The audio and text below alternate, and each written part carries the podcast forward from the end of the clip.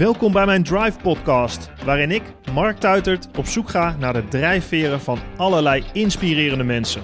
Van atleten, ondernemers, wetenschappers tot artiesten. Dit keer ben ik op bezoek bij Candy Dulver, de saxofoniste die wereldberoemd werd met haar optreden bij onder andere Prince. Of ze stond ook op het podium bij Pink Floyd. Ze maakt haar eigen platen, ze heeft haar eigen theatertour. En ze vertelt mij over wat het betekent om muziek te maken, hoe haar creatieve proces werkt, maar ook de levenslessen die zij meemaakte. Opgroeiend in een gezin uit Amsterdam met heel veel liefde, waar ze ook heel liefdevol over spreekt, wat ik weer heel erg mooi vind. Ik zou zeggen, luister naar en leer van Kenny Dulver.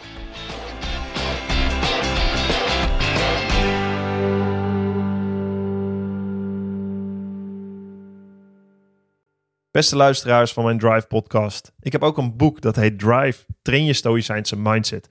Daarin omschrijf ik de tien principes die ik ontleen aan de stoïcijnse filosofie. De stoïcijnen waren heel erg bezig, de vroege Romeinen en Grieken, over hoe je nu staande kunt blijven in de storm van het leven.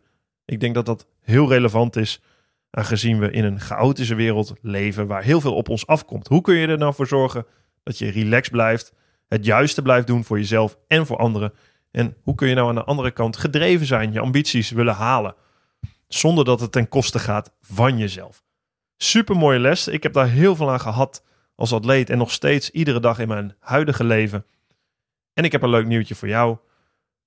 Bestel nu mijn boek op www.marktuitert.nl en je krijgt een door mij gesigneerd exemplaar toegestuurd. Leuk voor jezelf, maar misschien ook heel erg leuk om cadeau te doen aan iemand die die lessen kan gebruiken.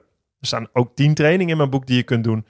En je kunt je ook aanmelden op de nieuwsbrief op mijn website. Dan krijg je iedere zondagochtend, gratis en voor niks, de laatste gedachten en trainingen opgestuurd.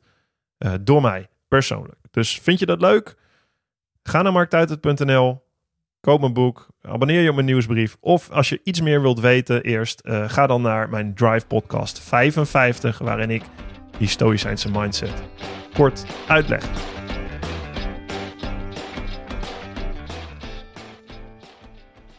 Kennen je gezellig. We zitten hier aan tafel, cappuccino gehad. Eén ehm, ding valt me op, ik zie hier nergens een saxofoon. Ik zie daar een keyboard, maar... Nee, er staat wel daarachter, maar het zag je niet, een enorme sousaphone. Die is van mijn vriend. Die heeft bedacht dat hij op latere leeftijd ook muziek wil gemaakt. heeft hij dat instrument gekozen. Maar mijn saxofoon ligt even bij de reparateur, want ik heb er weer heel veel op gespeeld. En die, het is net als een auto, je moet af en toe even een 10 kilometer beurt hebben. En dan moet alles weer bijgesteld worden. Of opeens doet je het niet. En ik stond laatst te spelen en toen deed opeens alle lage noten het niet meer. Nee, wat doe je dan? Jimi Hendrix die deed nou, eerst een niet. snaar terwijl hij speelde. Dat, nou, dat kan niet, want een saxofoon... Ja, sommige mensen kunnen het, maar ik snap echt helemaal niks van de saxofoon. Als je dat ziet ook. En ik heb ook vrienden die saxofonist zijn, die hebben dan wel eens geprobeerd uit elkaar te halen. En dan op het laatst zet je hem weer helemaal in elkaar en dan liggen er nog vijf schroefjes. En dat maakt je helemaal gek. Dus ik laat het aan de professionals over. Maar ik wist echt niet wat ik moest doen, maar dan speel ik maar door. En, uh, en uh, vermijd de lage noten. niemand had het door, alleen ik. Oké, maar is, hoe oud is zo'n sax? Nou, uh, ja, ik heb twee saxen eigenlijk. Maar, of, ik heb er nog wel meer, maar twee belangrijk. En één is echt de Stradivarius van de saxofoon. Het is een Mark 6, dat is het type van Selmer. En dat was een Frans-Amerikaanse merk, dat is het nog steeds. Maar uh, die wil iedereen hebben. Daar heb ik ook jarenlang op gewacht tot ik de juiste... want het gaat ook nog om serienummers, uit welk jaar. En oh, oh dat is net als met gitaar. slecht jaar hebben. Ik had een... Ja, ik had een goede uit een slecht jaar. Ik kan ook een slecht uit een goed jaar hebben. Het is een heel gedoe. Uh, maar uiteindelijk heb ik die gekregen. Uh, heel mooi verhaal ook. Want toen, uh, we kwamen altijd bij een muziekwinkelfirma Muller op de Raadhuisstraat. En op een dag belde die naar mijn vader. Hans, we hebben er even voor Candy hoor. En ja, man had hem achtergelaten. Maar dat, en die had gewoon geld nodig. En die heeft die sax verkocht. Maar op die sax zat allemaal stickers van Pink Floyd live on tour. En nou, allemaal bekende bands. Dus het was, ik weet nu nog niet wie het was. Maar die is gewoon gebruikt ja, door een, een, hele goede saxofonist blijkbaar, die met iedereen had gespeeld. Dus ik was er heel lang heel blij mee. Maar net als alle oude dingen, er was wel een bepaalde imperfectie waar ik het soms moeilijk mee had. Het is moeilijk te tunen en zo, in, in uh, niet vals te spelen. En toen op een dag kwam er een man op me af, en dat had ik wel vaker, nu ook nog, uh, met ja, ik bouw saxofoons en wil je die van mij eens proberen? En dan zei ik altijd, nee, sorry, ik heb de Mark 6, moet ik nou, weet je. Maar deze bleef maar doorduwen en uh, op een gegeven moment zei ik, nou, geef me mee. En dan eigenlijk een beetje onaardig zei ik, dan laat ik wel zien waarom ik nog steeds op die Mark 6 speel, want het is gewoon lekkerder. En toen heb ik die sax gekregen, Friso Heidinga heet die man, en de Amsterdam Wind heette die sax. En toen ging ik, en dit is geen endorsement, want ik heb hem gewoon nooit teruggegeven. Nou, Friso. Uh... Ja, dat weet Friso ook. Okay. Um, dus ja, hij, en dat is ook zijn prototype. En die had hij heel mooi door Henk Schiefmacher laten graveren. Dus de, de tekeningen op die sax, want er zit altijd van die mooie gravures in, waar zijn door Henk Schiefmacher. En die heb ik gewoon. En die heb ik nooit meer teruggegeven. Want die is zo goed. Die heeft, hij heeft ook precies. Hij wilde ook doen wat die oude saxen hadden, maar dan nog iets beter. Mm. Hij kwam uit de scheikunde. Hij, ik noem hem wel echt een mad professor. Dat is hij ook echt. Hij wilde er ook altijd weer dingen aan veranderen. En dan zit ik echt met hem te touwtrekken van nee, niet doen. Weet je, ik wil dat het zo blijft. Maar ja, ondertussen heeft hij er een heel merk uit uh, gebouwd. En uh, is hij heel succesvol ermee. Maar ik heb nog steeds het eerste ding. En ik geef hem nooit meer terug. maar je hebt ook niet hier uh, saxofoons liggen die daar überhaupt uh, die je kan changen. Want ik vergelijk het een beetje met een paar schaatsen misschien. Ja. we beginnen bij de saxofoon, daar, daar ben je bekend om. En dan komen we zo uh, bij, bij de rest van je leven en gedrevenheid. Waar ik het graag met je over wil hebben. Maar voor mij was schaatsen een, een paar schaatsen, da, daar waar ik Olympisch kampioen op ben geworden. Dat, daar, ja, daar schaats ik nu nog op. Dat is, Ja. dat is niet de, het gevoel van je schoen, het ijzer, de, dat, dat is ook ingespeeld eigenlijk, Ja. ingeschaatst. Dat, Ja. dat, dus ik heb maar één paar schaatsen die echt perfect zijn. Ja, nou, en dat, dat is met deze sax. Dus die andere kan ik heus wel een beetje op spelen. Maar dit is voor mij, het zal buitenstaanders zullen dat helemaal niet horen. Maar voor mij is dat echt verschrikkelijk. Alsof je van een fiets op een step gaat of iets anders. En het gekke is dat ook iedereen altijd zegt, maar dat geloof ik dan eerst niet. Maar het is wel waar. Dat als je dan twee weken erop speelt, dan speelt die weer als, als je favoriete sax. Weet je, je kan heen en weer gaan. Je had Charlie Parker, een van de beste en beroemdste saxofonisten ooit, die speelde die was vaak aan de drugs en die had dan geld nodig. Dan verkocht hij weer zijn mooie sax. En dan Ja. speelde hij zelfs op een plastic sax. Zo goed heeft nog nooit iemand op een gespeeld. Dus dat kan allemaal, maar het is je eigen gevoel. En nou ja, dat ken jij denk ik. Eh, muziek is ook is een soort topsport. Je wil alleen maar, je kan voor je gevoel alleen maar het beste presteren als alles een Klopt. beetje klopt en Ja. goed is. En de timing en het moment en de temperatuur. Ik heb dat Het moet allemaal. één worden en met je instrument, toch één worden met je schaatsers. Ja, je moet gewoon niet meer. Je je wil dat zen-moment bereiken. Weet je, dat je helemaal in de lucht zweeft. En dan wil je niet gehinderd worden door eh, slecht geluid, een slechte sax of iets wat die doet. En soms is het wel goed voor je als niet alles eh, perfect is. Maar eh, ik, ik heb daar nog steeds moeite mee. En dan zeggen mensen, ah ja, sir niet, je moet gewoon eh, kunnen spelen. En natuurlijk, het heeft ook altijd wel een bepaald level.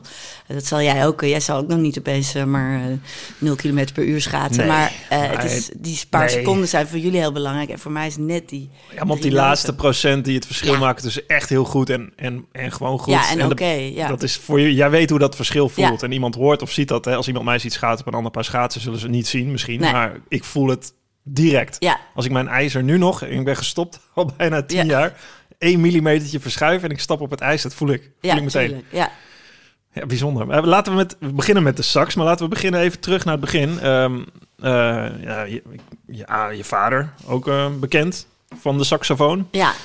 Ehm, hoe, hoe ben je opgegroeid? Je vader, je moeder, manager is... Of Ja, grotendeels geweest. Ik weet dat niet of dat klinkt nog is. heel... Ja, nee, dat is waar. Zij, zij is heel lang mijn manager Ja. geweest. Eigenlijk nog steeds een beetje op de achtergrond. Ze is nu 81, maar ze bemoeit zich toch overal mee. Nou, sorry dat ik je onderbreek. Wat Ja. ik naartoe wil, eigenlijk, eh, ik heb je documentaire gezien, eh, gelezen. eh, wat, wat, wat ik zo mooi vind aan jou, we, we hebben laatst met elkaar ergens, ik weet niet meer welk programma, aan tafel gezeten. Dat jij zo, ehm jij praat heel liefdevol en heel respectvol over jouw familie. Heel, ehm, op een hele mooie manier. Dat viel me heel erg op. Vond ik nou, mooi. gelukkig. Nou, dat hebben ze ook wel verdiend. Want ik, ik ben ook een soort... Ik ben zo eh, close met ze opgevoed, eh, eh, laat ik het zeggen. Dus jij vroeg net naar het begin, maar ik was echt als baby, als klein kind mocht ik al mee naar concerten. Het was heel open thuis, dus ik mocht overal over meebabbelen. Ik was enigst kind, weet je, dan ben je ook heel close met je ouders. Maar ik ben daardoor ook wel de eeuwige tiener geweest tot misschien tien jaar geleden, weet je. En nog zit ik nog wel eens van, eh maham, of ik rol altijd met mijn ogen over. Dus we hebben heus wel zo'n relatie waarin alles gezegd wordt. Maar ja, ik steeds meer, en dat wist ik natuurlijk ook al toen ik 14 was, maar besef ik me wat een te gekke ouders ik heb. Want Hmm. ja, ze, ze kunnen zoveel. En ik, ik kijk niet tegen ze op als zijnde van, oh, wat geweldige mensen. Maar ik ben meer van, wauw, dat, die zijn toch wel heel erg bijzonder met z'n. Ik heb ze misschien wel een tijdje onderschat.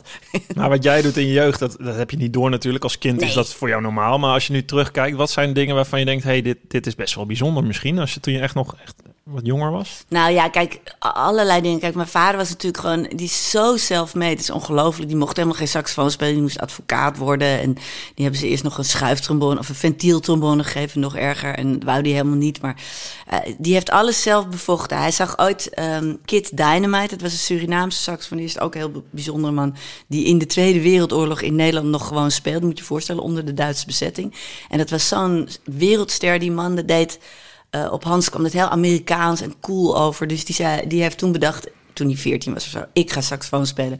En die heeft werkelijk alles in het werk gezet om dat ook te bereiken. En met heus niet eh, goede opleiding daarvoor, eh, ook misschien wel niet mega talent of whatever, maar hij wilde het en dat heeft hij bereikt. Aan de andere kant had hij een gezin al vroeg en eh, wilde hij ook dat wij een heel mooi leven hadden. Hij wilde nooit meer armoede, dus ook een beetje de Tweede Wereldoorlog-achtig. Dus hij ging gewoon twee banen. Dus hij werd ook nog eens topverkoper bij Opel. Verkocht hij allemaal Opels aan de loop. Hij is in 1940 geboren, toch? Ja, in 1940 geboren. En eh, ja, hij is ook echt zo'n 50s Nederlandse eh, Amerika-loving kind geweest, weet je, of tiener.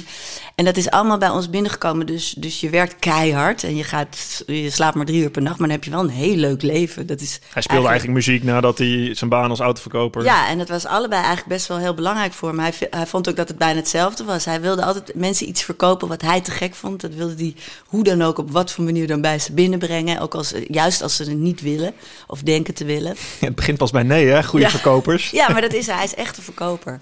Dus dat is zo grappig. En mijn moeder was ook weer heel self-made op haar moment. Want zij kwam uit een tijd waar ja, vrouwen achter het aanrecht. Nou, dat was ze ook. Zij was de ultieme huisvrouw. Als ik dan thuis kwam, ze had een soort rode afro, heel mooi haar, hippe kleren. Ze was de, ieder, alle muzikanten waren verliefd op. Ze had vrienden, had familie die gek op waren. En dan kwam ik thuis en was de hele bank opnieuw bekleed. Of toen waren er allemaal meubels geschreven. Weet je, echt zo'n... En dan kwam ik daar, ik vond het allemaal helemaal normaal. Als een soort creatieve impuls. Of wat? ja, ze deed gewoon alles. Dus ze had zoiets, oké, ik maak eerst het huis helemaal schoon Hmm. op een ontzettend ouderwetse, nette manier. Dus wij lagen tussen de gestreken lakens, mijn vader en ik. Mijn vaders onderbroeken worden nog steeds gestreken, moet je je voorstellen. Maar ondertussen was ze ook creatief en eh, deed ze dit en vond iedereen daar hip. En eh, weet je dus ik, ik had een soort, en dat is wel op mij overgeslagen, dat ik had een soort, ik had het beste van alles. Ik had hippie, ik had jazz, ik had rock and roll aan de ene kant in mijn leven. En aan de andere kant lag ik elke avond beschermd in bed. Was, er gebeurde mij niets. Mijn vader bracht me elke ochtend onder het tunneltje door. Want er kon wel eens een enge man staan. Terwijl die dan zelf om vijf uur thuis was gekomen. Eh, weet je, het was beschermd en vrij. En dat altijd die tegenpolen, dat die toch samen kunnen, dat is iets wat ik ook, daarom ben ik ook zo. En dat wil ik ook altijd. Het maakt je ook wel heel druk en, eh, of hoe zeg je dat, niet druk, maar eh, je wil ook de hele dag maar van alles. Want je wil die beide werelden bij elkaar brengen. Ja. Maar dat is wel, eh, dat heb ik van hun. En daarom spreek ik zo over omdat ik het wel geweldig vind. Ik, wij kunnen dat lezen, wij kunnen dat leren via een podcast op YouTube, via een boek.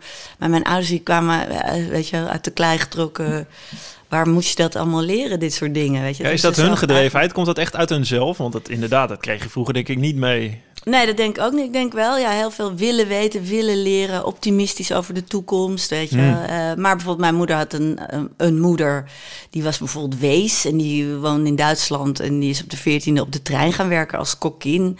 Zit ik ook nu wel eens te denken van, mijn god, wat een... Hoe, hoe doe je dat, weet je? Ja. Eh, In wees, in, in Duitsland, in, voor oorlogs, in de crisis. En dan, hoe maak je dan een leven voor jezelf? Kom je in Amsterdam terecht met een lieve man en eh, krijg je twee kinderen? Hoe, ja, ik vind het leven best wel zwaar af en toe, ook al heb ik heel veel geluk. Maar ik vind er best wel veel obstakels zitten. En eh, weet je, en hoe blijf je vrolijk? Hoe blijf je gedreven? Nou, eh, hoe deden die mensen dat in godsnaam? Nou, ik denk dat je het ergens DNA-technisch hebt hoop meegekregen, het, toch? ja. ja, ik denk het wel. En je bent, je bent opgegroeid in Broek in Waterland? Of nou, eigenlijk de eerste, eerst ja, Amsterdam? niet heel belangrijk, maar eerst zes jaar in Weesp op een woonboot. Dus Ja. ook een heel mooi vrij leven. En toen eh wilde Hans en ik wat groter. En toen hebben ze inderdaad, toen het nog helemaal niet hip was, in Boekenwaterland een oude, dat was eigenlijk een oud tramstation. Maar daarna was het heel lang een discotheek geweest. Dus nou ja, het zag er niet uit. Toepasselijk. Het was aan de buitenkant prachtig, maar aan de binnenkant stond er zo'n zo'n draaiende discovloer. En er waren wel zes toiletten en zilverpapier aan de muur. Echt een 70s disco. Maar ja, dat hebben ze toen voor, weet ik veel, 40.000 gulden gekocht. En uh, het staat nu te koop voor 2 miljoen. kan ik niet meer terugkopen. Ja, het is een hele mooie houten beklede schuur. Ja, hè? Jouw documentaire, of eh, is, het, is het te zien? En wat jij daarover zegt... eh, ja, ik weet niet, komt dat oude huis in voor? Want ze wonen Oh, nu ergens anders hoor. Ze wonen nu ook weer buiten in een molen, ook weer heel mooi. Maar dit was echt een soort Oh nee, dat was dat denk ik. Ja, ja, naast nee, de molen. ja. En ik, ik weet dat jij daarover hebt, of, of dat het hout van het huis, dat dat qua muziek, dat dat de beste akoestisch de beste Ja, dat is gewoon... plek was. Ja, dat is ook echt wel zo. Dat is gewoon een natuurlijk materiaal. Een saxofoon is een natuurlijk imperfect instrument. Is eh, door een Belg ont- ontworpen heel lang geleden. Sorry, een beetje dichter bij de microfoon. En die, ja, daar zijn allerlei dingen niet goed aan. Weet je, een keyboard, dat druk je in en dat is, dat is zuiver. Dat klopt. Als, als je stroom hebt, werkt het. En het is dat geluid en het is niet morgen een ander geluid. Maar een saxofoon, elke minuut van de dag kan je die oppakken en die klinkt weer anders. En ja, houten omgeving en natuurlijke omgeving heeft natuurlijk datzelfde, weet je, onmetelijk mooi, maar ook imperfect. En dat werkt gewoon heel goed op elkaar. Ja, ik weet dat bij Led Zeppelin, die namen een plaat op in een, in een oud kasteel of in een, in een trappengat. In een, in een soort, soort Ja. met beklede oude, oude villa of zo, omdat dat dan Ja, akoestisch mooier klonk. ja dat, nou, dat is ook weer een van die dingen Hmm. die voor ons muzikanten heel belangrijk zijn. Dat het gewoon klinkt zoals je wil. En nou, ik denk dat Led Zeppelin dat deed, omdat je dan een waanzinnige galm krijgt. En een Ja. harde slapback. Ja. Ja. En ik zou dat dan juist helemaal niet willen. Dus ik wil juist in een zachtere Hmm. omgeving eh, staan. Dus dat is ook weer iets wat je, wat je heel erg kan inspireren. En hoe ben je begonnen met, eh, met, met sax spelen? Is, eh, heeft je vader die gewoon in je handen geduwd? Nee, het was juist andersom. Eh, kijk, toen ik, toen ik net geboren was, toen eh, in het OVG hiernaast, eh, toen zeiden de zustertjes tegen mijn moeder: Oh, je man is jazzmuzikant. Nou, als je thuis komt met haar, eh, dan moet je meteen een keiharde jazzplaat opzetten, want dan raakt ze gewend aan dat geluid. Nou ja, dus ik was omgeven door muziek, door dat, maar ook doordat mijn vader altijd zat te oefenen. En muzikanten, collega's kwamen dan thuis, gingen ze jammen of whatever. Dus het was altijd muziek, muziek. Dus dat komt toch wel, denk ik, je brein binnen ergens. Eh, maar pas op mijn vijfde jaar dacht ik, oh, misschien kan ik ook wel eens eh, op een saxofoon spelen. Wat eigenlijk best wel laat is als je de hele dag saxofoon om je heen ziet. En toen vroeg ik het aan mijn vader en toen zei hij, ja hoor, welke wil je? Nou ja, toen pakte ik eerst een sopraan, want ik was natuurlijk heel klein. Dat is een kleinere sax nog en lichter. En daar ging ik toen op spelen. En ehm, eigenlijk wat het allemaal getriggerd heeft, is, is niet zozeer dat ik dacht, ik wil muzikant worden of zo. Maar ik stond daar met mijn vader, die nou, de leukste vader ter wereld was voor mij, zeker toen als klein meisje. Eh, maar die was best wel vaak weg natuurlijk. Als hij terugkwam was het dolle boel en altijd lief. Maar eh, eerst overdag weg en dan kwam hij even eten en dan moest hij weer weg. Dus ja, alles waar ik maar eh, aan mij kon binden, eh, dat was natuurlijk voor mij te gek. En sport lukte niet zo, want ik was asportief, ben ik nog. En mijn vader wel, altijd racefietsen en eh, honkballen en weet ik veel, schaatsen. Nou, ik kon er echt niks van.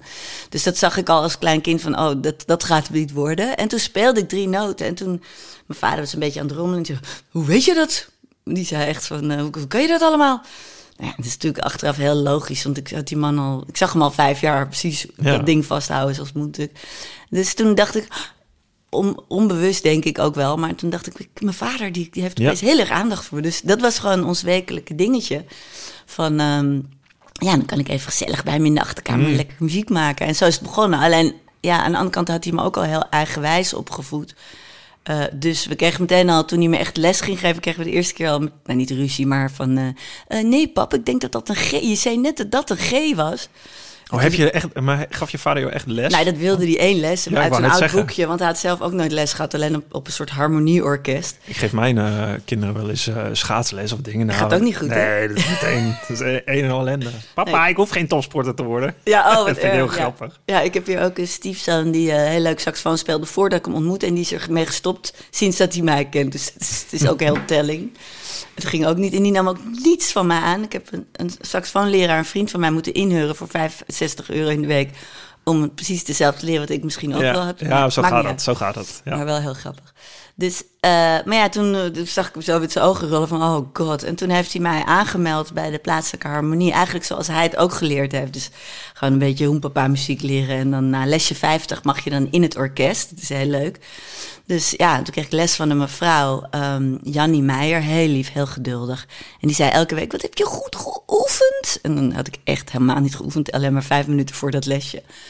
Dus in het begin was ik totaal niet zo gedreven. Maar ja, ik voelde me natuurlijk wel heel erg op mijn gemak eh, als muzikantje zijn. Want Hoe, ik- hoe oud was je toen? ja, vijf of zes en eh, dat Ja. ging zo door tot ik Ja, ja, het is wel grappig, want ik had het. Ja, ik heb pianoles gehad voordat ik op schaats ging. Ja. Mijn, eh, mijn, van mijn moeders kant zat ook heel veel muziek in, in de familie, zeg maar. En ehm, mijn, mijn dochter ook, heeft gitaarles gehad. Nou ja, die oefent tussen. Ik zei natuurlijk, hè, moet je oefenen. Mijn moeder had wel eierwerken, die zette de tijd. Ik vond het verschrikkelijk. Daarom Ja. ben ik er misschien ook al mee gestopt. Alleen wij proberen Anna met onze dochter ook niet echt te pushen daarin. En vanuit hunzelf gaan ze nog niet. Het lijkt net of er ergens gedrevenheid. eh, Ja, ik weet niet hoe het bij jou ging, maar dat, dat er pas veel later een switch over gaat. ja. Dit is gewoon nog een beetje spelen. Ja, eh, ik ga lekker met vriendjes buiten spelen. Val me even niet lastig. Dat, dat, die Ja. leeftijd daar nog heel erg... Ja, ik vind het ook heel moeilijk. Ik, ik ben degene hier die zegt, ah joh, je hoeft niet vanavond, uh, doe me niet piano oefenen, je hebt al zoveel huiswerk. En dan zit hun vader, die zegt, nee, even oefenen nu. En dan, gaat zij, en dan zit ik ernaast en denk gadver, wat vreselijk voor die kinderen.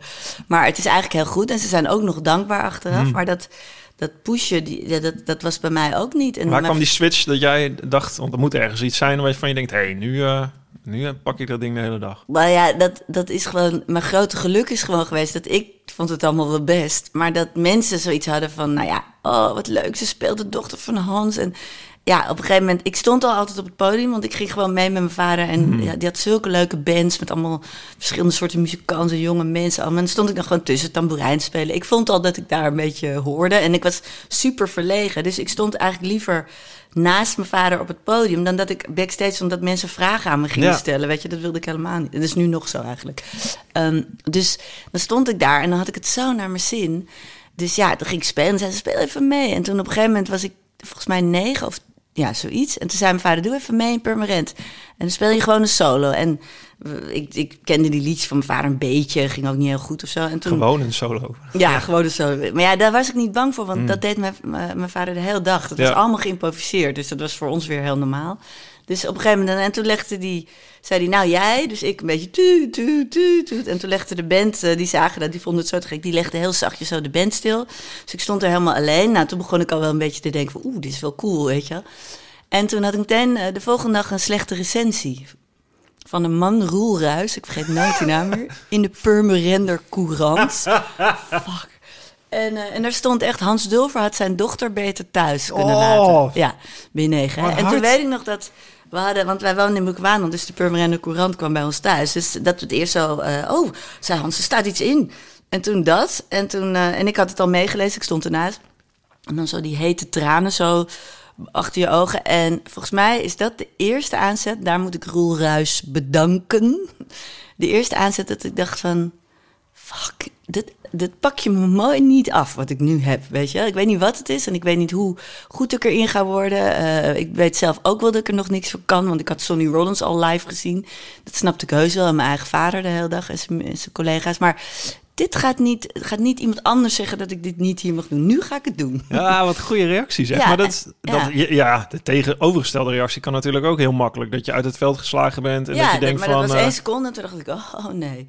En nou ja, Roel en, Ruis ook. Die, Ja, stomme allitereert wel lekker. Ja, het zo. Ruis ook. Het is gewoon Ja, ruis wat niet, niet wat je wil in muziek. Ruis. Nee, en, eh, en het was ook goede, meteen ook een goede kennismaking. Nou, dat weet jij ook, als je, dat, dat hoe eh, filijn mensen kunnen zijn Ja. met de pen, weet je. was allemaal Ja. goed, het was meteen klaar. Daarna heb ik nooit meer iets verwacht van een recensie. Eh, nooit meer iets, geen waarde aangehecht. Ook, eh, ook überhaupt bij andere muzikanten ook niet. Ik lees geen recensie of kijk er wel naar, maar dan zit ik hem alweer te ergeren. Dat was meteen een goede binnenkomer voor mij. En, eh, maar dat was de eerste push. En toen nog oefende ik veel te weinig hoor. Maar op een gegeven moment ik had toch wel ergens talent. En ik had natuurlijk zoveel muziek in mijn brein opgeslagen op een of andere manier. Dat je, daar heb je al heel veel aan. Dus dat, dat zeg ik ook wel eens tegen ouders. Van, draai maar gewoon heel veel muziek. Ja. Ga ze maar niet zo pushen met die lesjes. Maar laat ze maar een bandje beginnen. En laat ze in ieder geval heel veel horen. Want het komt gewoon binnen, weet Ja. je wel. En nou ja, en toen... Ja, cool. Oh, dat, die ga ik even meenemen ook. Ja, gewoon heel veel muziek en laten horen. Wij, muziek wij, draaien. wij draaien ook wel veel muziek, maar dat kan nog wel veel meer. Ja, wij hebben het een beetje natuurlijk met schaats. Met Ja, sport. ja, nee, maar dat is dat zo. staat bij ons gewoon als een behang Ja. natuurlijk op de tv. En die kinderen kijken mee. En die, ja, als er een Olympische Spelen zijn, dan moeten zij verslag doen voor de hele klas. Omdat zij de schaatsers kennen. Ja. Ze kennen de tijden. Ze weet, dat is heel grappig. Maar dat is een goede muziek gewoon aanzetten. Ja, ik had, mijn opa was eh, zanger in een koor. En mijn moeder ook. eh accordeon en zo. Dus die, dat weet ik nog. Dat die heel vaak, en dat vind ik mooi. Muziek, en muziek vind ik prachtig. Dat Ja. brengt zoveel. Ja, ga ik meenemen. Gewoon muziek aanzetten. En de rest komt wel. Ja, en ik denk dat er echt wel iets van iets chemisch gebeurt. Of hoe zeg je dat? Net als Mhm. dat als je iets 22 keer doet of zo. Dat Ja, het is gewoon de, je ja. Ja. legt eh, de, de, Ja, de, de neuronen, banen. de banen aan en dan ga je wel. En wanneer was een moment dat jou, want het was volgens mij toen ook al vrij jong, toen was je dacht ik denk ik nog tiener, waar- waarop je doorbrak? Want jij werd gevraagd, op een gegeven moment de grote doorbraak voor jou kwam volgens mij toen je in het voorprogramma van Madonna werd gevraagd, toch? Ja, eigenlijk wel. Daarvoor ging het al best wel leuk. Want toen... Ja, mijn eerste doorbraak was eigenlijk... eh, ik speelde met Hans mee een keer, toen was ik twaalf. eh, in heel leuk in een soort eh jongerencentrum ergens in Brabant. En er was een soort studentachtige jongen met van die rode wangetjes. Erik van Gerwe, ik, ken hem nu nog. je al die namen nog weten? Ja, nou, omdat hij nog steeds een vriend is. Oh ja. En die, was, die organiseerde dat dan, weet je, voor heel erg. Hoe, Hans die Zalig, eh, dat uh, ken die ook mis. En toen vroeg hij aan mij, dat was heel lief, vroeg je aan het eind van het optreden, zei hij, dat was echt heel goed, ken die, heb je ook een eigen band?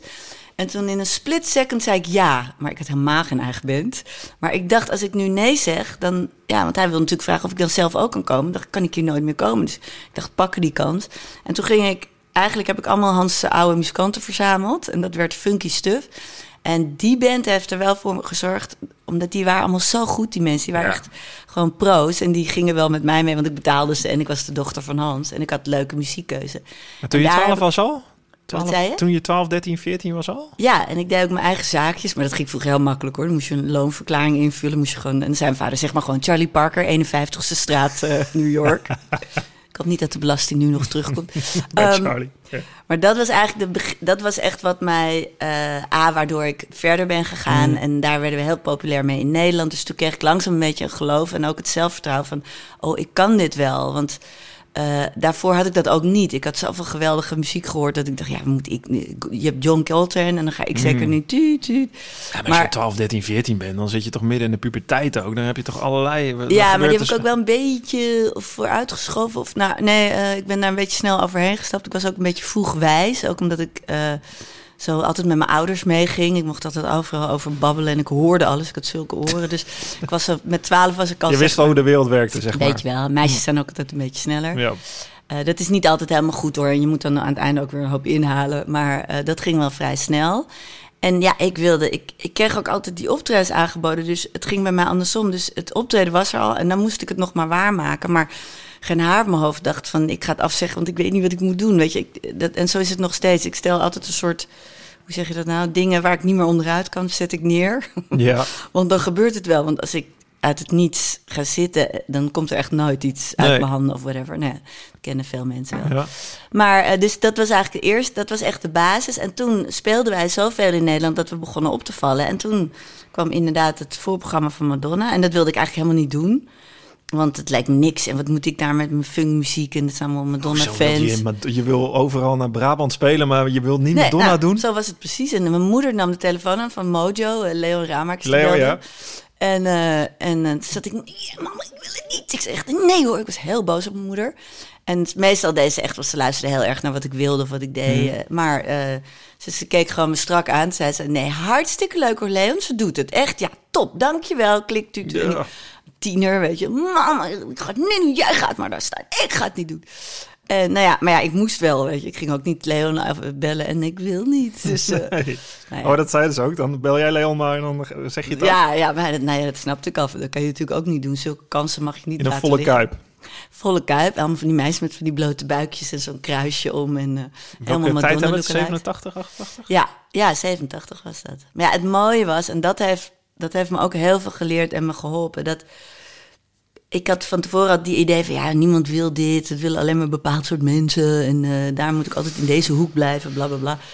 En ik wil niet commercieel, want dan kan ik nooit meer doen wat ik wil. Dus zulke ideeën had ik al heel sterk. ja, Dat speelt overal. Ja. Maar ja, toen stond ik daar en toen speelden we gewoon goed. En toen merkte ik, hé, hey, ook al kwamen ze niet voor mij, maar wij waren zo overtuigd en we speelden zo leuk. En ik was natuurlijk ook heel jong en het zag er allemaal schattig uit. Dat, ja, de mensen keken eerst een beetje van, wacht even, we hadden helemaal niet, dit is niet Madonna, dit hadden we helemaal niet besteld. Oh, nou ja, oké, leuk. En het duurde natuurlijk ook maar een half uur. Ja. Dus dat was prima en het was een heel groot succes. En door dat voorprogramma werd ik het volgend jaar bij Prince gevraagd. En toen ging eigenlijk nog Toen ging het hek van de dam. Ja, maar dat, dat... En Madonna kwam toen kijken. Dat was zo leuk. Dat heb ik eigenlijk nooit verteld. Maar wij stonden te spelen en het was één groot rampenplan. En er was regen en het zou bijna niet doorgaan. En toen gingen we eindelijk spelen. En weet je, het gaat dan in een soort blur voorbij. Nou, dat weten jullie. Als je een wedstrijd doet, weet je ook niet wat je doet, Mm. Ja, ja, ja. Nee, ik heb wel eens, wij moeten wisselen natuurlijk op de kruising Ja. schaatsen. Dat je achteraf, kom je wel eens op het finishing. Hé, Ja, ben ik wel gewisseld. heb ik wel gewisseld? Dat, dat kan ik helemaal, dan zit ik altijd te kijken naar schaatsen. Dat snap ik totaal. Nou ja, en, en eh, eh, dus wat was ik aan het zeggen? Ja, dus we kwamen eh, en we waren bezig met het laatste nummer. En Ulko speelde solo. En Ulko had ik eh, al een paar jaar in mijn band. Die was even oud als ik, maar die was veel briljanter. Dat is echt een wonderkind. Dat is hij nog steeds. Heel goede gitarist. En die stond te spelen. En toen zag ik opeens een soort figuurtje in een soort rood boxersjasje met zo'n capuchon op. Toen dacht ik, wat is er voor een dwerg? En dat was Madonna, maar toen had ze net dat haar zo kort geknipt.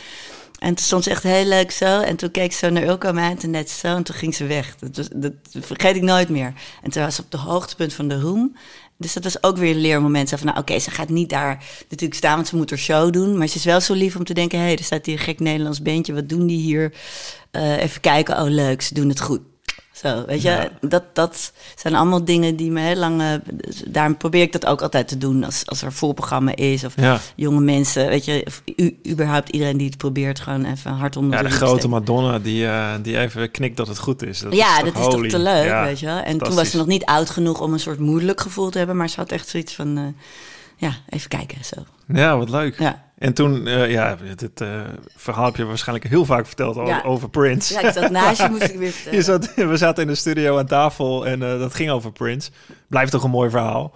Ik vind het zelf ook een mooi verhaal, omdat het, ik gun het ook dat het ieder anders zou over, dan zou ik het nog een mooi verhaal vinden. Ja. Weet je, nu ook de drummer van Crescent die bij U2 gaat Zo, spelen. ja. Dat vind ik, dat is precies hetzelfde. Het is alsof Johan Cruijff, eh, weet je, als je aan de kant zit met je vader, eh, je bent een jongetje. Val even in, kom even meedoen. Ja, doe je, shit, iemand is eh, gevallen, kom even meedoen. Jij daar. ja.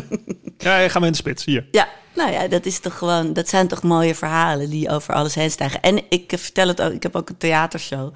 Daar vertel ik het elke avond in. En ja, het is heel erg, want nou, dat weet jij misschien ook, maar je bent ook wel gewend om over jezelf te praten. Dat is ook heel erg. Eh, dus dat, dat is ook wel makkelijker. En eh, ik weet niet of het nou verslaving is of dat gewoon normaal is. Maar nou, alleen kant, je die vraag al stellen is heel gezond inderdaad. Ja. ja. dat moet je wel doen. Ja, helemaal als je op een podium staat natuurlijk. Ja, maar ja, Ik, ik, ik heb er plezier in om dat verhaal te vertellen, omdat ik het zelf ook zo ongeloofwaardig vind en dat het dan toch is gelukt. En dat geeft mij ook weer dat ik denk van ja, dan hebben mensen ook weer wat om over te dromen of te denken, hé, hey, misschien kan ik, Hmm. Ik ooit wel zo'n kans krijgen. Maar ook over de brug ermee. Ja, over de brug weer. Nou, ik, ik probeer het altijd snel te vertellen, maar het lukt nooit. Maar eh, Madonna hadden we gedaan, was tot ieders tevredenheid. En toen belden ze een jaar later, ja, en nu eh Prince. Eh, wil je drie dagen in de Kuip? Want eh, toen hadden ze nog niet die mojo barriers. En iedereen kwam dan heel vroeg, dus die drukte elkaar dan helemaal plat. Ja. Eh, dus, en toen was, ik weet niet of Skill al geweest. Of dat ene festival waar alles mis is gegaan. Dus Nee, dat was t- eh, 2002 was later, denk ik. 2002. Ja, veel later. Oké. Nou ja, goed. In ieder geval, ze Pearl moesten... Ze oh ja, precies. Nee, dat is later geweest. Nee, ze moesten in ieder voor dat geval... concert toen Pearl Jam later kwam. Maar goed, Oh, dat is even zij. Ja, Oh, wauw. Jezus. het ging niet door. De grootste angst. Nee, dat was Hmm. afschuwelijk. Maar in ieder geval, ja, toen hadden ze nog niet die dingen. Dus ze wilden bands hebben of iets hebben wat de mensen zouden entertainen. Nou, dat waren wij dan. Ik wou weer nee zeggen dit keer, omdat ik echt dacht van, nee, dit kan ik niet. Weet je, Prince, ik wil wel ooit, dat was mijn grootste droom, een keer voor hem spelen of met hem Maar spelen. zeggen, Prince, dat is eh, anders dan. Dat is helemaal up your alley. eh. Ja, maar ja. dat, ja, maar ik vond mezelf helemaal niet. Ik dacht, dat kan ik helemaal niet. Ik, wil- ik wil heel graag indruk op die man maken, maar nog niet nu. Dat, Hmm. dat had ik ook heel vaak met dingen. Dat ik zei, ja, even wachten nog. Ik ben nog niet goed. Want ik was al zoveel aan het optreden met die band... dat ik helemaal geen tijd had om een opleiding te volgen... of naar het conservatorium te gaan of überhaupt af en toe te oefenen. Ik, we speelden al drie keer per week of vier keer per week en ik had mijn school... Dus het, kwam in mijn hoofd weer helemaal niet uit. Dus ik wou weer nee zeggen. Maar toen dacht ik, ja, nee, dat kan toch echt niet. Nou, en toen, eh, nou ja, ook weer natuurlijk wekenlang geoefend met die band die al geweldig waren. Maar ik dan de hele tijd, maar je moet ook pasjes doen en je moet ook dansen en dit en dat. Dat deden ze allemaal heel braaf, maar zij konden het makkelijk aan. Ik was degene die nog had moeten, mo- meer moeten oefenen. Maar ja, en toen, nou ja, heel, eh, allemaal dingen. Maar ik kwam daar aan die eerste dag eh, met de band in een Volkswagenbusje, moet je je voorstellen. Zo rammelend aankomen, gehuurd. Zoals het hoort eigenlijk. Ja, ja, en dan ook zo heel aangekeken worden door de beveiliging van eh, nee, even draaien. Ja, maar wij moeten hier spelen. Zo'n raampje open, weet je. We hadden echt eh, een zakje, had mijn moeder gemaakt, kadetjes en, eh, en eh, hoe heet het, eh, krentenbollen mee. gesmeerd met boter. Kom daar maar eens om als, men, eh, als een, een traditionele manager. Ja, ja. precies. Dat doen ze niet allemaal hoor. Nou ja, en toen reden we daar binnen en toen ja, waren we heel erg onder de indruk, maar ook wel determined van, nou, we gaan hier vanavond even, we gaan echt ons alles geven, want uh, hier willen we bij horen, bij deze wereld, weet je wel. Prins toch in weg te bekennen nou ja, opgesteld. Dan krijg je echt een soort postzegel op dat hele grote podium. Een heel slecht geluid. En uh, ze doen heel onaardig tegen je. En dat had ik al van tevoren ook al gezegd tegen mijn moeder. Van nee, ik wil dit helemaal niet, want ze doen nooit aardig. Nou oké, okay, uh, schiet op, doe je best. Nou oké. Okay. Dus toen stonden we daar, hadden soundcheck. Nou, en toen gingen we eigenlijk een beetje zitten wachten. Maar we hadden ook niet echt een eigen kleedkamer. We zaten eigenlijk een beetje op de rand van het podium. Zo met van die bungelende beentjes te kijken naar alles, weet je wel. Ik was echt, ja, ik was toen 18 of zo.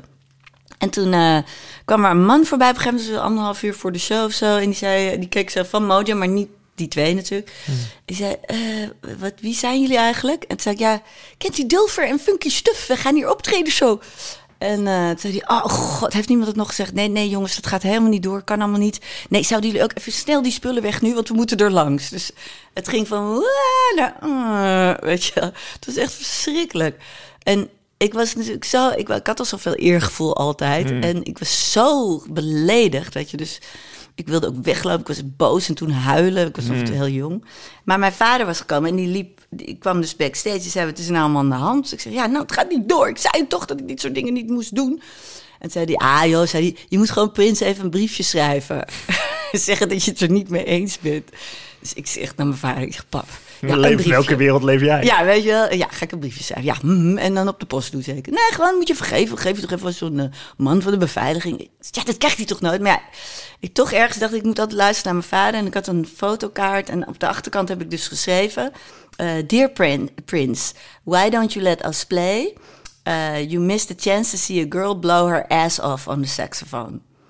Uh, musicians should be loyal to each other. Want dat had mijn vader ook nog gezegd. Dus ik, nou, kas, kas. Dus ik sta daar met die fotokaart, met die tekst. Stop niemand te bekennen. En de band was heel zielig aan het inladen. En dat busje van, kom je, we gaan. En ik stond er nog. Nou, toen zag ik zijn manager eerst. Die, daar ben ik eerst op afgelopen. En die, uh, die keek echt naar me van uh, security, weet je. Dus die liep gewoon Moordaanval, ja. Die heb ik later nog ontmoet hoor. Maar... En, toen, ja, en toen zag ik verder niemand anders behalve Sheila E. En die heeft mij uiteindelijk gered. Maar die stond daar. Maar ik was nog meer fan van haar. Want zij een vrouw die met Prince speelde en zo goed. Mm. Dus ik liep op haar af en zij was ook heel angstig. Want ze dacht, wat is dit nou weer? Maar ja, ergens in mijn verhaal, en dat vertelt ze nu nog wel eens... Mm. omdat we kennen elkaar natuurlijk nu goed... Uh, maar zij vond het zo grappig en ze herkende iets van zichzelf erin... En, maar ik schijn gezegd te hebben van, uh, ik, ja, laat ons niet spelen. En ik ben heel boos, want het was afgesproken. En, uh, en ik kan ook net zo spelen. Ik doe hetzelfde als Eric Leeds, hoor. Ik kan net zo goed spelen. Nou, Eric Leeds is een hele goede saxofonist. Ik kan nu nog niet zo goed spelen als hij. Dus het was echt bluff, maar zo raar, want ik ben zo verlegen. Maar op dat moment kon ik dan heel erg bluffen. En ik dacht, ik moet... als die journalist. Ja, die, uh ja, dat, was, dat is dan iets wat triggerde of zo. En, uh, ja. Nou ja, dus ik geef dat kaartje en ze pakt het aan alsof het een soort vies zakje was. en ze liep weg en toen dacht ik ook, ja, ja dat was natuurlijk echt helemaal, ja, kansloos. Dus nou, naar huis huilen ook echt een dag in bed gelegen. Mijn oh. moeder met warm. Ja. Wil je dan niet een klein beetje andijvies? Ik heb je heerlijke hapjes gemaakt. Je bent, nee. niet, uh, je bent niet gebleven om Prince te zien. nee, ook niet. Nee, echt boos naar huis geloof en, uh, maar het wonderbaarlijk van het hele verhaal is dat de derde avond... en ik ging toen, ik had een oudere vriend... dus ik, ik was inderdaad vrij jong. Uh, uh, en dit was Tom Hofman, de acteur. En die was heel lief voor mij altijd. En die, ja, die had veel meer ambitie nog voor mij. Die was zelf ook zo ambitieus, weet je. Ik lag alleen maar mollig op de bank, gezellig met rode wangetjes... en af en toe een optreden. Maar hij, hij wilde voor zichzelf van alles, maar voor mij ook. Weet je, hij zag heel veel dingen in mij die ik zelf helemaal niet zag. Dus die had al eerder geregeld dat ik bij Dave Stewart dat liedje had gedaan. Want dat wilde ik ook helemaal niet. Ja. En die zei... Ja, Lily was here? Ja, Lily was here. Ja. ja, is ook nog een ding. Ja. Ik ben hem heel dankbaar. Uh, en die zei, uh, ja, en nou is het uit. Je gaat mee, want je bent een Prins-fan. We zijn allemaal heel erg Prins-fan. Want hij en zijn vrienden, die waren allemaal ouder. Maar dat was echt zo'n clan. Die zongen, de, die draaiden de hele dag Prins. Wisten alles, je weet wel. Hmm. Uh, dus ik werd meegesleurd, wilde niet. Heel boos. Dus donkere zonnebril achter in de auto. Van, nou, ik ga wel buiten het hek staan. Ik wacht wel tot jullie klaar zijn. En toen gingen we daar heel vroeg heen, stonden eraan. Toen werd ik omgeroepen. Uh, Kenny Dulfer to the State. En ik dacht dat mijn ouders een auto-ongeluk hadden gehad. Mm. Want in die tijd was het enige waar je voor ooit... Maar iemand heeft je herkend dat jij daar was? Nee, dat wisten ze niet, maar ze gokten het. En waarom weet ik nu nog niet. Ik, denk wat jij zegt. Eh, dus ik ben er nooit achter gekomen. En toen ehm we hadden wel vrijkaartjes gehad. Dus het kan ook zijn dat ze zeggen, nou, die komt wel. Die is niet zo gek dat ze niet komt. Ja, je gaat er niet Prince afzeggen. Gewoon, je wilt Ja. toch die show zien? Ja, nou. Maar goed, dus ik ren naar achter. En dit was nog anderhalf uur voor de show. En ze zegt, hé, hey, je bent er. Nou, wat leuk. Zeg, ja, Prins wil het goed maken. Eh, je mag meespelen in de show een liedje. Dus hij had gewoon mijn bluff, hoe zeg je dat? Call my bluff, Ja. via Sheila. En Sheila heeft dus gezegd, nou, ik weet niet wat er met het meisje is, maar je moet er echt laten spelen. Maar wat ook meespeelde, is dat ik ondertussen gebeld werd door de Volkskrant, het NRC en de Parool. Want het was van tevoren gezegd, ken die die of ken die Dulver gaat bij Prins spelen, hoe leuk. Er was een paar eh, ja, kleine interviewtjes, want hij was toen zo populair. Als je al in het voorprogramma speelde, was het al tuurlijk. big deal. En opeens ging het niet door. Dus zij gingen mij op die zaterdag allemaal bellen. Wat is er gebeurd? Nou, ik, nou het is gewoon een klootzak en hij heeft het niet leuk. dus en Prins, dat weet ik later, eh, die, vertaalt, die leest overal alle recensies. Die Oh, hij wel? vertalen. Ja, die liet ze elke ochtend niet, vertalen. hij- oh Nee, ja. Ik niet, hij wel. En dus die had al zoiets van, nou, Sheila zegt het al. En eh, ik krijg hier allemaal bad press. Laat ze dan maar komen. Laat ze dan maar bewijzen hoe goed ze is. Nou ja, dat zat er allemaal af, achter, Mm-hmm. achter, maar dat wist ik natuurlijk allemaal niet. Dus ja, ik eh, werd bij Prince in de kleedkamer geroepen. En daar stonden ze allemaal al met hele coole kleren aan. En ja, alsof er een soort waas om ze heen. eh, Weet je, alsof de rookmachine al gestart was. Het zag er allemaal zo cool uit, allemaal opgemaakt waar ze. En ik stond daar in mijn spijker. Ik had de lelijkste kleren eigenlijk. Spijkerboek met je sax? jasje van Hans. Nee, die had ik ook niet bij me. Dus zij zeiden van. eh, nou, ik zie je zo op het podium, oké? En je hebt gezegd dat je kan spelen, ik zie je daar. En ik, oké. Maar ik had geen sax, maar Mojo had gezegd, we regelen er wel één voor je. Eh, maar toen kwam ik buiten en zei, ja, ik moet dus echt meespelen, maar is die saxofoon er al? En toen zei ze, ja, we laten er nu een halen. En die kwam, nou, en ik heb nog nooit zoiets, ik kon er gewoon niet op spelen. Dus het was Nee. echt, eh, zo klonk hij. En toen heb ik dus mijn moeder gebeld in Broek en Waterland, maar we stonden in Rotterdam. Eh, en die was eerst nog met, met haar beste vriendin aan de lijn. Dus ik heb de buurvrouw laten inbreken om mijn moeder van de telefoon te halen. Ik vertel nu het hele verhaal. hè. Ja, ja. Ik zal afronden, want het wordt nu heel Nee, lang. heerlijk. En mam, ik moet spelen met Prins, ik heb mijn saxofoon nodig. En toen zijn Hans en dingen in de auto gesprongen met mijn saxje. Eh, maar die werden al bij het Schouw in Purmerend, dat is dus één kilometer van hun huis, aangehouden door de politie. Want mijn vader die reed 160, is Ja. een Opel-record. en toen zei hij, bent u, bent u helemaal gek geworden, bent u aan het doen? Het is niet voor niks een open record. Nee, ja, Slecht zei hij ook. Maar het was toen, het was, ik weet nog, het was een hele mooie dag, mooi weer. En die mensen, en mijn vader zegt, en moet je je voorstellen hoe beroemd Prins toen was. Die zegt tegen die Noord-Hollandse politieagent, die drie die heel boos bij. Ja, Ja, ja. maar ze moet met Prins spelen, ik moet er saxofoons brengen. En hij heeft gewoon een politie-escorte gehad tot in de Kuip. En die hebben ook voorgebeld dat de deuren van de Kuip, weet je, die backstage achter de deuren. Je vader kan alles verkopen, je zegt het zo. Nou ja, dat is zo. Dus die reed zo die weg met mijn moeder al achterin dat saxofoontje elkaar. En het was echt zo dat ik stond daar al klaar met die sax. En ik was alleen maar aan het denken, kan ik misschien wegrennen? Waar kan ik heen rennen? Dat ze me nooit meer zien. En dan ga ik gewoon schuilen, want ik kon niet spelen. En ik zie en ik hoor Candy. En mijn vader rent met die saxofoon in zijn aan. De auto stond nog met rook onder de motor. rook onder de motor. En ik pak me zo aan, ik gesp me aan. Die ander heb ik op de grond gegooid. Ik weet niet meer wat ermee gebeurd is. En die heb ik gepakt. En toen moest ik spelen. En toen speelde ze godzijdank een blues die ik kende van Charlie Parker. Of die, die ik kende in de versie. Dus ja, blues was voor mij heel makkelijk. Weet je, het had ook een heel ander nummer kunnen zijn. Een van de jazz classic die ik niet kende. Maar Ja. En ik speelde mee en, en dat was gewoon heel leuk. Maar ik was zo verdoofd dat ik bleef ook op het podium staan. Ik stond daar en ik stond te genieten. en ik stond maar mee. En toen op een gegeven moment zag je zo'n prins. En die zei, eh whose house is this? En nou ja, niemand kende mij, maar er stonden een paar vooraan. En Tom met zijn vriend, die stond keihard te schreeuwen. Candy's house. En mijn vader heeft dat nog opgenomen op een cassette recordertje. En op een gegeven moment zei hij, thank you. Nu ik mag er je weer weg. Dus toen ik zo, oh ja, maar ik voelde me helemaal thuis daar. En toen ben ik eraf gegaan en toen dacht ik, nou ja, leuk, dit was het. Mijn vader helemaal blij, natuurlijk trots huilen. Ja. En eraf, en ik heb het goed af vanaf gebracht. Een eh, leuk, leuk momentje gewoon in mijn leven. En ja, toen kwamen we thuis en natuurlijk iedereen bellen en de Ja, krant, ja. bla bla.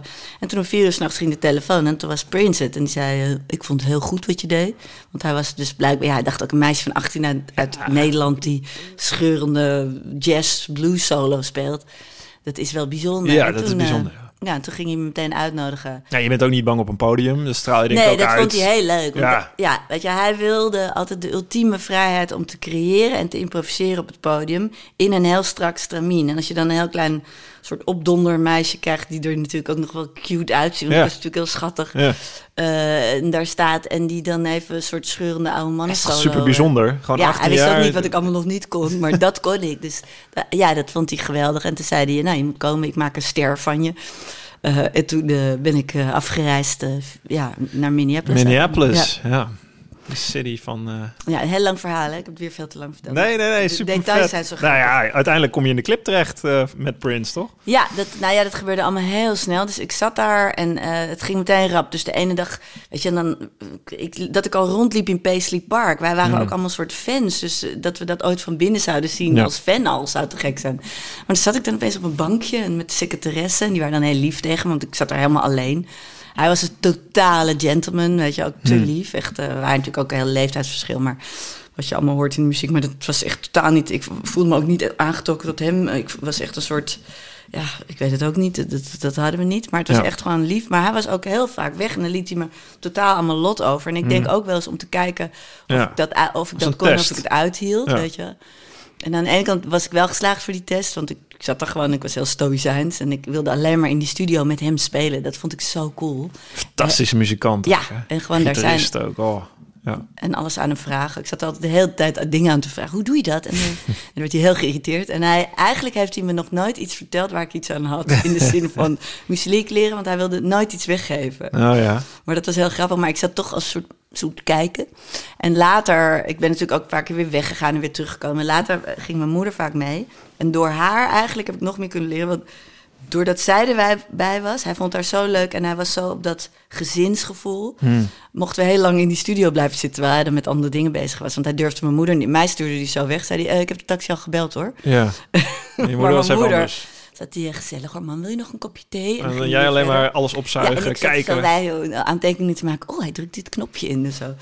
En ja, dat, dat, dat, zijn, dat waren voor mij de mooiste momenten. Nog mooier dan op dat podium staan eh, met hem. Ja, dat lijkt me heel... Ja, je ziet eh, een grootmeester in actie. Ja, Ja. dat- nou, zo was het ook echt. En belachelijk dat ik daar weer in de buurt kwam. Maar Nou ja, ik kwam in de buurt, je zit in die clip. En, en dat is een heel, heel defining ja, moment, toch? Een heel Ja. echt moment waarop alles...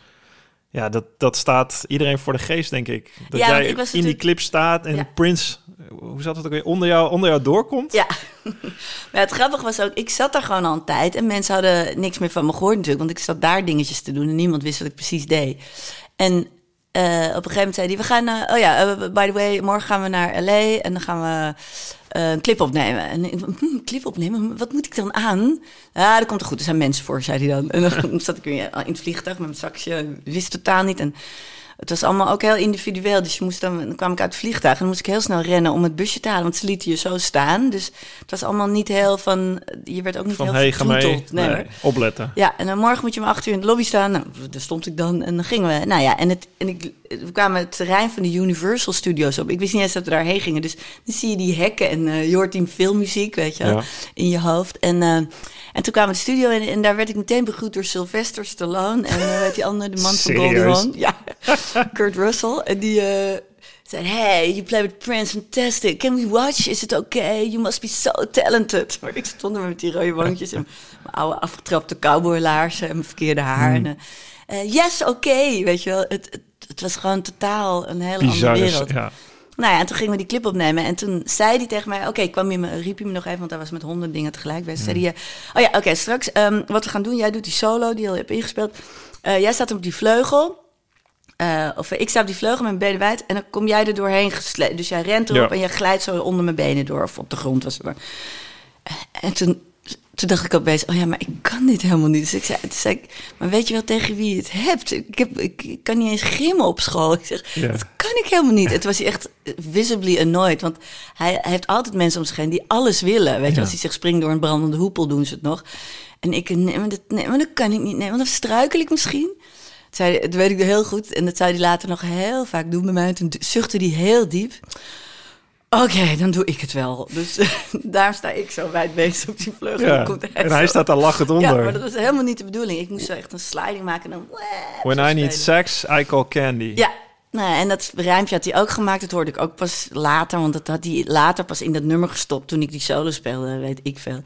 Dus, uh, dus ik, het was allemaal een soort van. En het was steeds maar climax, anticlimax. Want ik dacht bijvoorbeeld, mm. nou, kom ik in een clip in Hollywood. Dan word ik misschien wel heel mooi gemaakt een keer. Dat droom je als meisje, weet je. Ik moest altijd mijn eigen. Een prinses. Uh... Ja, nou, en toen deed ze heel rare krulletjes in mijn haar. En mijn ene gezicht werd wit gesminkt. En de andere zei ze, oh, je hebt zo'n mooie huid, laat dat maar zitten. En ik kreeg een heel oude vieze smoking aan van een verhuurbedrijf, een mannensmoking. Want ik was een beetje mollig. Dus ik paste al die hippe jurkjes niet van die stylistes. En dan stond ik met zo'n wijde broek, met zo'n beetje kriebelende wollen broek. Dus het was echt, nou, ook naar mijn moeder collect bellen. Nou, mam, het was helemaal niks en uh, ziet er niet uit. Ik hoop niet dat het op tv komt ooit. Ja, niet alleen. Het heeft je wereld... Ja, ik wou het zeggen, ja. je doorbraak. Want je staat ook gewoon naast David Gilmore uh, in Napworth. Ja, dat kan Even allemaal. meespelen met Ja. uh, Pink Floyd. Ja. Pink Floyd, what the... Ja. ja, en dat is nog dat Ja. is zo grappig, want jij vindt dan bijvoorbeeld Pink Floyd helemaal te gek. Maar Ja. in die tijd was ik er niet zo'n fan van. Dus ik was meer van, oh ja, ja, kan ik wel. En eh, even nog één dag van tevoren heb ik nog even, wat is dit? Want ik ken natuurlijk wel naar de Brick in the Wall, ik een Hmm. stom vervelend nummer. en nog even kijken, wat zijn die andere nummers waar iedereen het dan altijd over heeft? Ja. Oh, Money, Kampioen. heel snel ingestudeerd. En toen mezelf dacht, oh wacht, het is eigenlijk wel, het zijn allemaal hele iconische saxofoon-solo's. Diep in de nacht. En toen meegespeeld. Maar- Shine on your crazy diamond. ja, weet je, zo mooi. Nee, dat was ook echt. Maar die ging ik toen wel waarderen. Want toen ik echt met ze speelde, zag ik opeens... oh ja, wat zijn dit voor mensen? En wat is dit voor magisch, Oh, weet je. David Gilmore, ja. Ja, Zo, zo lieve- vet. hele lieve mannen ook. Alle, hij ook, en die drummer ook, weet je. Maar wat, wat, maakt, wat maakt jou dan zo uitzonderlijk? Ik heb geen verstand van saxofoon spelen. Ik, zie, ik, zie, ik, ik heb een optreden van jou gezien in Japan en dan loop je door het publiek heen en ik, ik snap het. Het is heel, dat is een beetje jazzachtig. Hè? Ik, ik ben meer van de blues, vind ik fantastisch. En als ik dat hoor, als ik naar jouw muziek hoor, het is niet mijn genre meteen waar ik altijd naar zou luisteren. Maar als ik het hoor, dan begrijp ik het op een of andere manier wel. Er zit helemaal ook een saxofoon, snap ik. Het klinkt zo mooi, Ja, zo het is niet, gevoelig, eh, zo... Ja, dat, Dus- bedoel- dat probeer ik. Maar dat zeg ik als totale leek, gewoon als muziekliefhebber eigenlijk. Dus ik, ik begrijp het wel. Maar wat, wat, wat is jouw eigen antwoord erop? Nou ja, er zijn gewoon een aantal factoren. Maar er is ook altijd een soort van magic... waar je zelf ook niet, dat je niet kan verklaren. Waarom vinden mensen jou leuk? Weet je, of waarom... Geen idee. Nee, dat weet je niet. Maar er zitten wel dingen bij. Kijk, aan de ene kant... eh, zelfs de beste muzikanten zoals Dave Stewart en Prince... die hadden allemaal te gekke... Ze konden iedereen bellen van Michael Brecker... die Ja. toen de beste... eh, maar dat waren natuurlijk allemaal kerels van 40. En eh, ja, dus op een gegeven moment ook wel gezien. Nou, Keith Richard is niet de meest briljante gitarist, technisch Nee, of zo. die heeft natuurlijk maar die heeft zoveel, zoveel swing, Ja. zoveel souplesse. Zo, die, de beginriff van Gimme Shelter, dat is zo Ja, dat- maar dat kan geniaal. niemand- dat nee. kan niemand zo spelen. Terwijl technisch is het niet moeilijk, maar om het zo te spelen... Ja, nou, maar dat is ook precies het goede wat je zegt. Want dat is eh, vanuit een beperking creëer je dingen die, die jij dan hebt en andere mensen weer niet. En ik had de beperking dat nul les gehad natuurlijk. Of Ja. ja, 50 lessen bij de harmonie. Heel eigenwijs alles zelf gedaan. Nooit meer ergens advies gevraagd. Eh, alles verkeerd. Er staat, is ook een saxofoonboek. Dan staat er een foto van mij bij. En er staat onder, zo moet het dus niet. Niet! Ja, Maar, maar jij, wat je zegt met andere saxofonisten, je bewondert, hè, misschien zijn er veel technisch vaardigere eh, instrumentbespelers, maar dat is dan, is dat wat jou, want zo luister ik dat, is dat dat jij gevoel erin legt of dat jij iets, Nou, weet je wat het is? Ik, ik was al zo vroeg bewust van zoveel dingen. Ik was echt een soort van denker. Ik ben niet zo slim hoor, maar ik zat heel veel te denken altijd thuis. En ik had meteen al, toen ik begon met saxofoon spelen, zag ik al meteen het probleem van, wacht even, ik wil John Coltrane en Charlie Parker zijn, maar dat word ik nooit misschien. Of misschien was het stom, want daar heb ik mezelf ook een hoop mee ontzegd. Maar ik, ik was meteen praktisch aan het denken, maar hoe kan ik nou, wat kan ik mensen nou wel brengen? En toen dacht ik wel al heel vroeg, dat had ik nog niet zo duidelijk in mijn hoofd, maar ik dacht, ik kan misschien wel die vertaalslag zijn voor mensen van uit de 50s, die geweldige muziek, die nu helemaal niet hip is, of wat jonge mensen. Maar ik kan misschien daar een stukje uithalen, net als uit James Brown, wat ook al een beetje tijdelijk voorbij was voor een hoop mensen toen ik juist begon met mijn band en zo. Ik dacht, als ik dat nou allemaal aan mensen aanbied, dan blijft die muziek levend. En dat mengvormpje daarvan maken, dat kan ik nog net wel. En ook zat ik altijd te denken, wat maakt, wat voel ik nou bij deze saxofonist? Waarom vind ik David Sanborn zo te gek? Waarom hou ik zo van Charlie Parker? Wat doet mij dat nou? Is het nou dat hij zo, zo heel ingewikkeld wiskundig speelt? Of is het dat ene mooie nootje dat je zo, hoe, zo kippenvel en Dat. zo op je bovenarmen, dat gevoel? Dat is het. Dus Ja. ik dacht, nou ja, als ik maar, wat ik ook doe, eh, hoe slecht of hoe goed ik het ook doe, als ik maar gewoon echt bij elke noot mijn ziel erin stop, weet je, en probeer. En het mislukt ook heel vaker, want dan wil je te graag en dan wordt het helemaal niks. Maar gewoon elke noot met intentie speel. En ook uh, timing uh, vond ik al heel vroeg heel belangrijk. Ik zag al die Afro-Amerikaanse muzici en dan dacht ik, wat is hier nou zo goed? En het is niet alleen maar dat het zo goed zijn, maar ook die relaxedheid. Dat juist op het juiste moment, uh, ja. niet voor je ego spelen, maar voor het publiek en voor de swing. Weet je, mm. mensen in een soort hypnotische toestand. Ja, dat is toch een mooi van sax ook weer. Het is dat dan het, het gewoon het improviseren, het meelaten voeren. Ja. Het, ja, mensen meenemen. En dat kan je eigenlijk met als je heel veel kan, kan je dat heel goed. Maar als je weinig kan, kan je dat, zou je dat ook al kunnen. Als je maar weet wat je moet doen. En daar had ik zoveel goede voorbeelden om me heen dat ik. Ja, dat ja, kon ik dan wel een beetje. Niet te bescheiden ook, hè? nee, Want, ja. nee, maar dat is ook. Maar dat heeft wel gevormd. Uh, ik denk dat Hmm. was toch een deel van het succes, omdat ik juist bescheiden was. Want anders had ik tegen mezelf gezegd: Ja. ik ga eerst. Uh, ik doe niks met school. Ik ga uh, acht, acht, uur per dag oefenen. En dan was ik een, een kluisenaar geweest. Ja. Dat paste toen heel slecht ook bij een meisje. Hè. Nu zie je heel veel meisjes, heb ik heel veel bewondering voor. Dat zijn echt van die doordouwers. Hmm. Um, halve jongens zeg je dan, maar dat moet je eigenlijk niet eens zeggen. Het zijn gewoon meisjes die nu doordouwen. Maar wij moesten nog van alles zijn. We moesten er leuk uitzien. We wilden vriendjes uh, op school. Uh, weet je wel.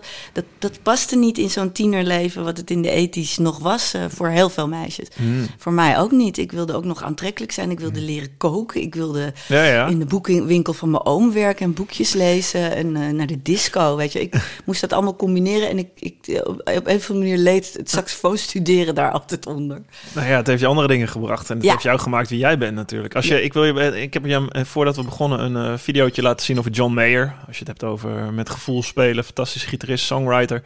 Ehm, die vertelt iets over hoe hij eh, muziek maakt. En uh, eigenlijk zegt hij, ik forceer mezelf om niet alleen akkoorden te spelen, maar ook daarover te neurien, teksten uit te spuwen uh, die in me opkomen. Dus Ja. eh, hij, hij, hij, wat hij eigenlijk zegt, ik, ik, ben, ik moet moedig zijn, onbevreesd, noemt Ja. hij het. Om niet mijn innerlijke stem uh, te laten overroelen. Dus niet van, ah, dit is stom. Maar gewoon woef, Ja. laten gaan. Woef. Herken je dat? Ja, dat herken ik. En dat heb ik heel erg moeten leren. Want ik heb echt de, de meest lelijke innerlijke stem die er maar bestaat. Wat betreft Wat ook die? muziek. Die zegt de hele tijd, nee, zeg even normaal. Even normaal. Ja, dat hoor ik de hele dag. Uh, en Ja, is dat, dat die bescheidenheid ook een beetje? Of de... ja, ja, en waar dat dan voor, dat komt uit de buitenwereld. Maar dat komt ook omdat je bijvoorbeeld mensen die bescheiden zijn cool vindt. Ik Ja. vond David Sermon geweldig, maar die is ook heel bescheiden. Die maakt altijd maar grapjes over zichzelf. Een beroemde saxofonist.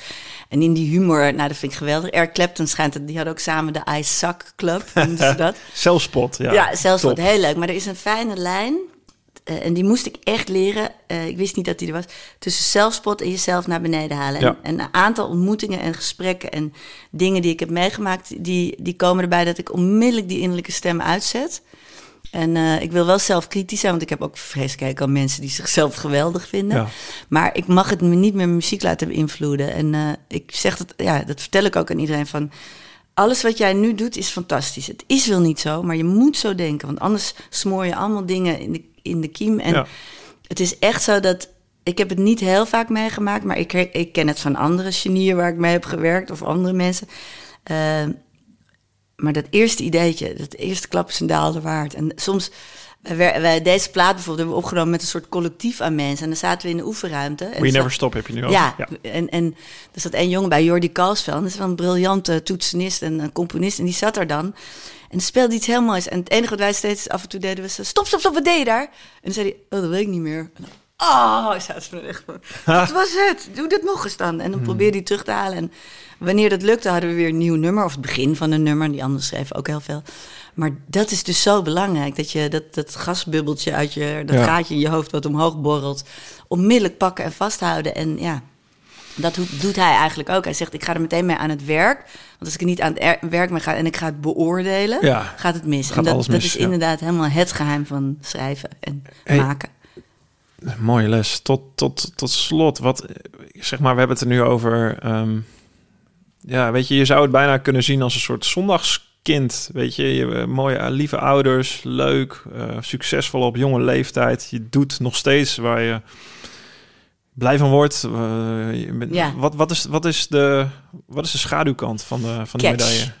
Ja, nou, dat vind ik, dat weet ik eigenlijk niet. Ik denk aan de ene kant natuurlijk heel hard werken en nooit eens, want doordat ik mezelf zo ongetraind in allerlei gebieden. Ik, ik maak nu ook zelf radio. Uh, ik heb een theaterprogramma in elkaar geflanst zelf... met, met één uh, advies van de regisseur van twee uur lang. Dat kan natuurlijk allemaal anders en veel meer gescholder. Maar daardoor autodidact. autodidact. Nee, ik herken daar heel veel in. Ja, het deel van mijn geluk komt uit, uit autonomie. Zeg ja, dat zei ik. Ja, en dat is ook echt zo. Maar ja, dat, daardoor druk je jezelf in een constante werkdruk. Maar ja, daar gedij ik eigenlijk wel mee. Ik ga er ook maar niet over nadenken, want dan, dan krijg je denk ik ook nog. Kunnen elkaar de hand schudden hierin hoor. oh, leuk. Gelukkig. Uh, en uh, wat wou ik nog zeggen? Ja. Het laatste erover. Ja, de schaduwkant. Ja, dat... nou, een andere schaduwkant is dat ik heel lang zat te wachten op die schaduwkant. En dat slaat ook nergens op, want het is nou eenmaal zo fucking gemeen in de wereld dat, sorry voor het vloeken, dat sommige mensen hebben dus veel meer geluk.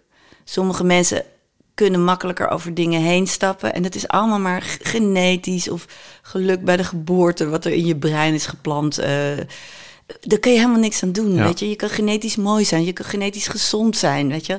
Ik ben altijd heel bang om te jinxen. Ik had één ding wat ik niet goed ging in mijn leven.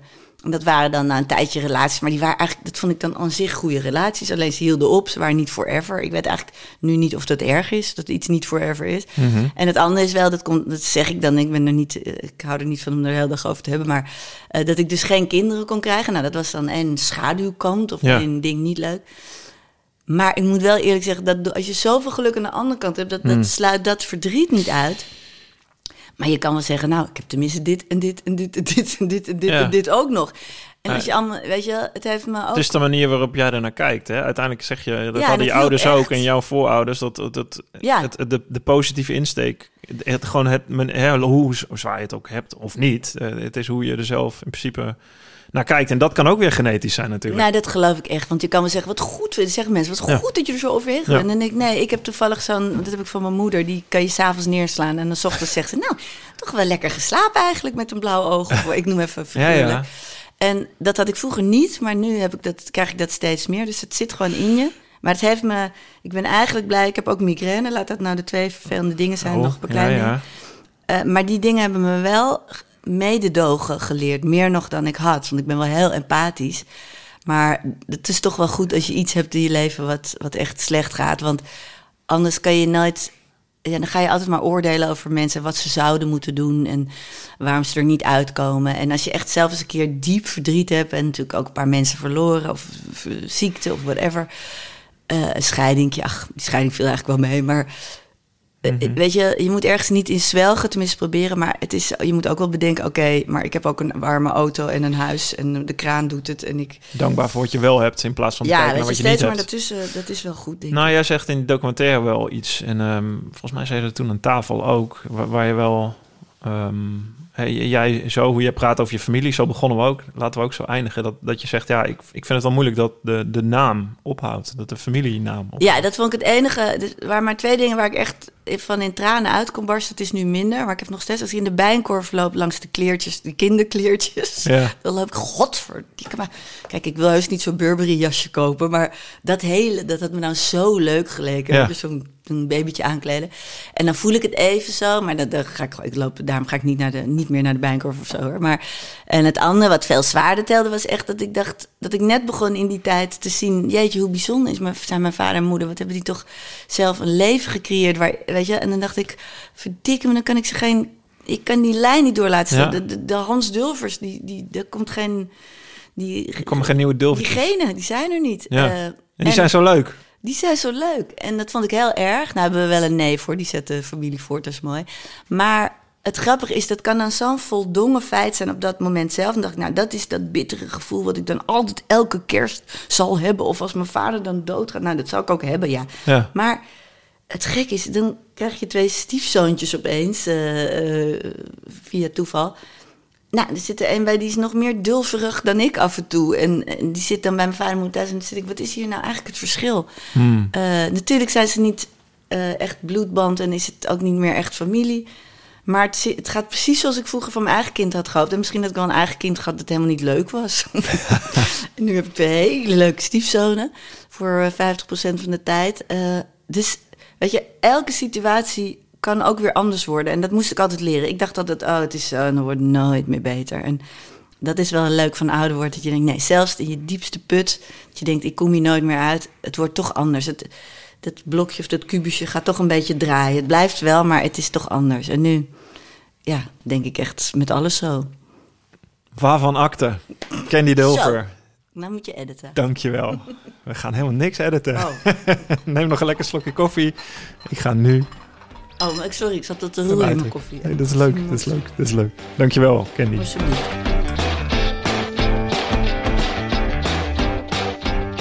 Dank voor het luisteren naar mijn Drive podcast. Je vindt mijn aflevering op Spotify, iTunes, YouTube en mijn website marktuitert.nl. Laat me weten wat je van mijn podcast vindt en deel dat via Instagram, Twitter, LinkedIn of Facebook.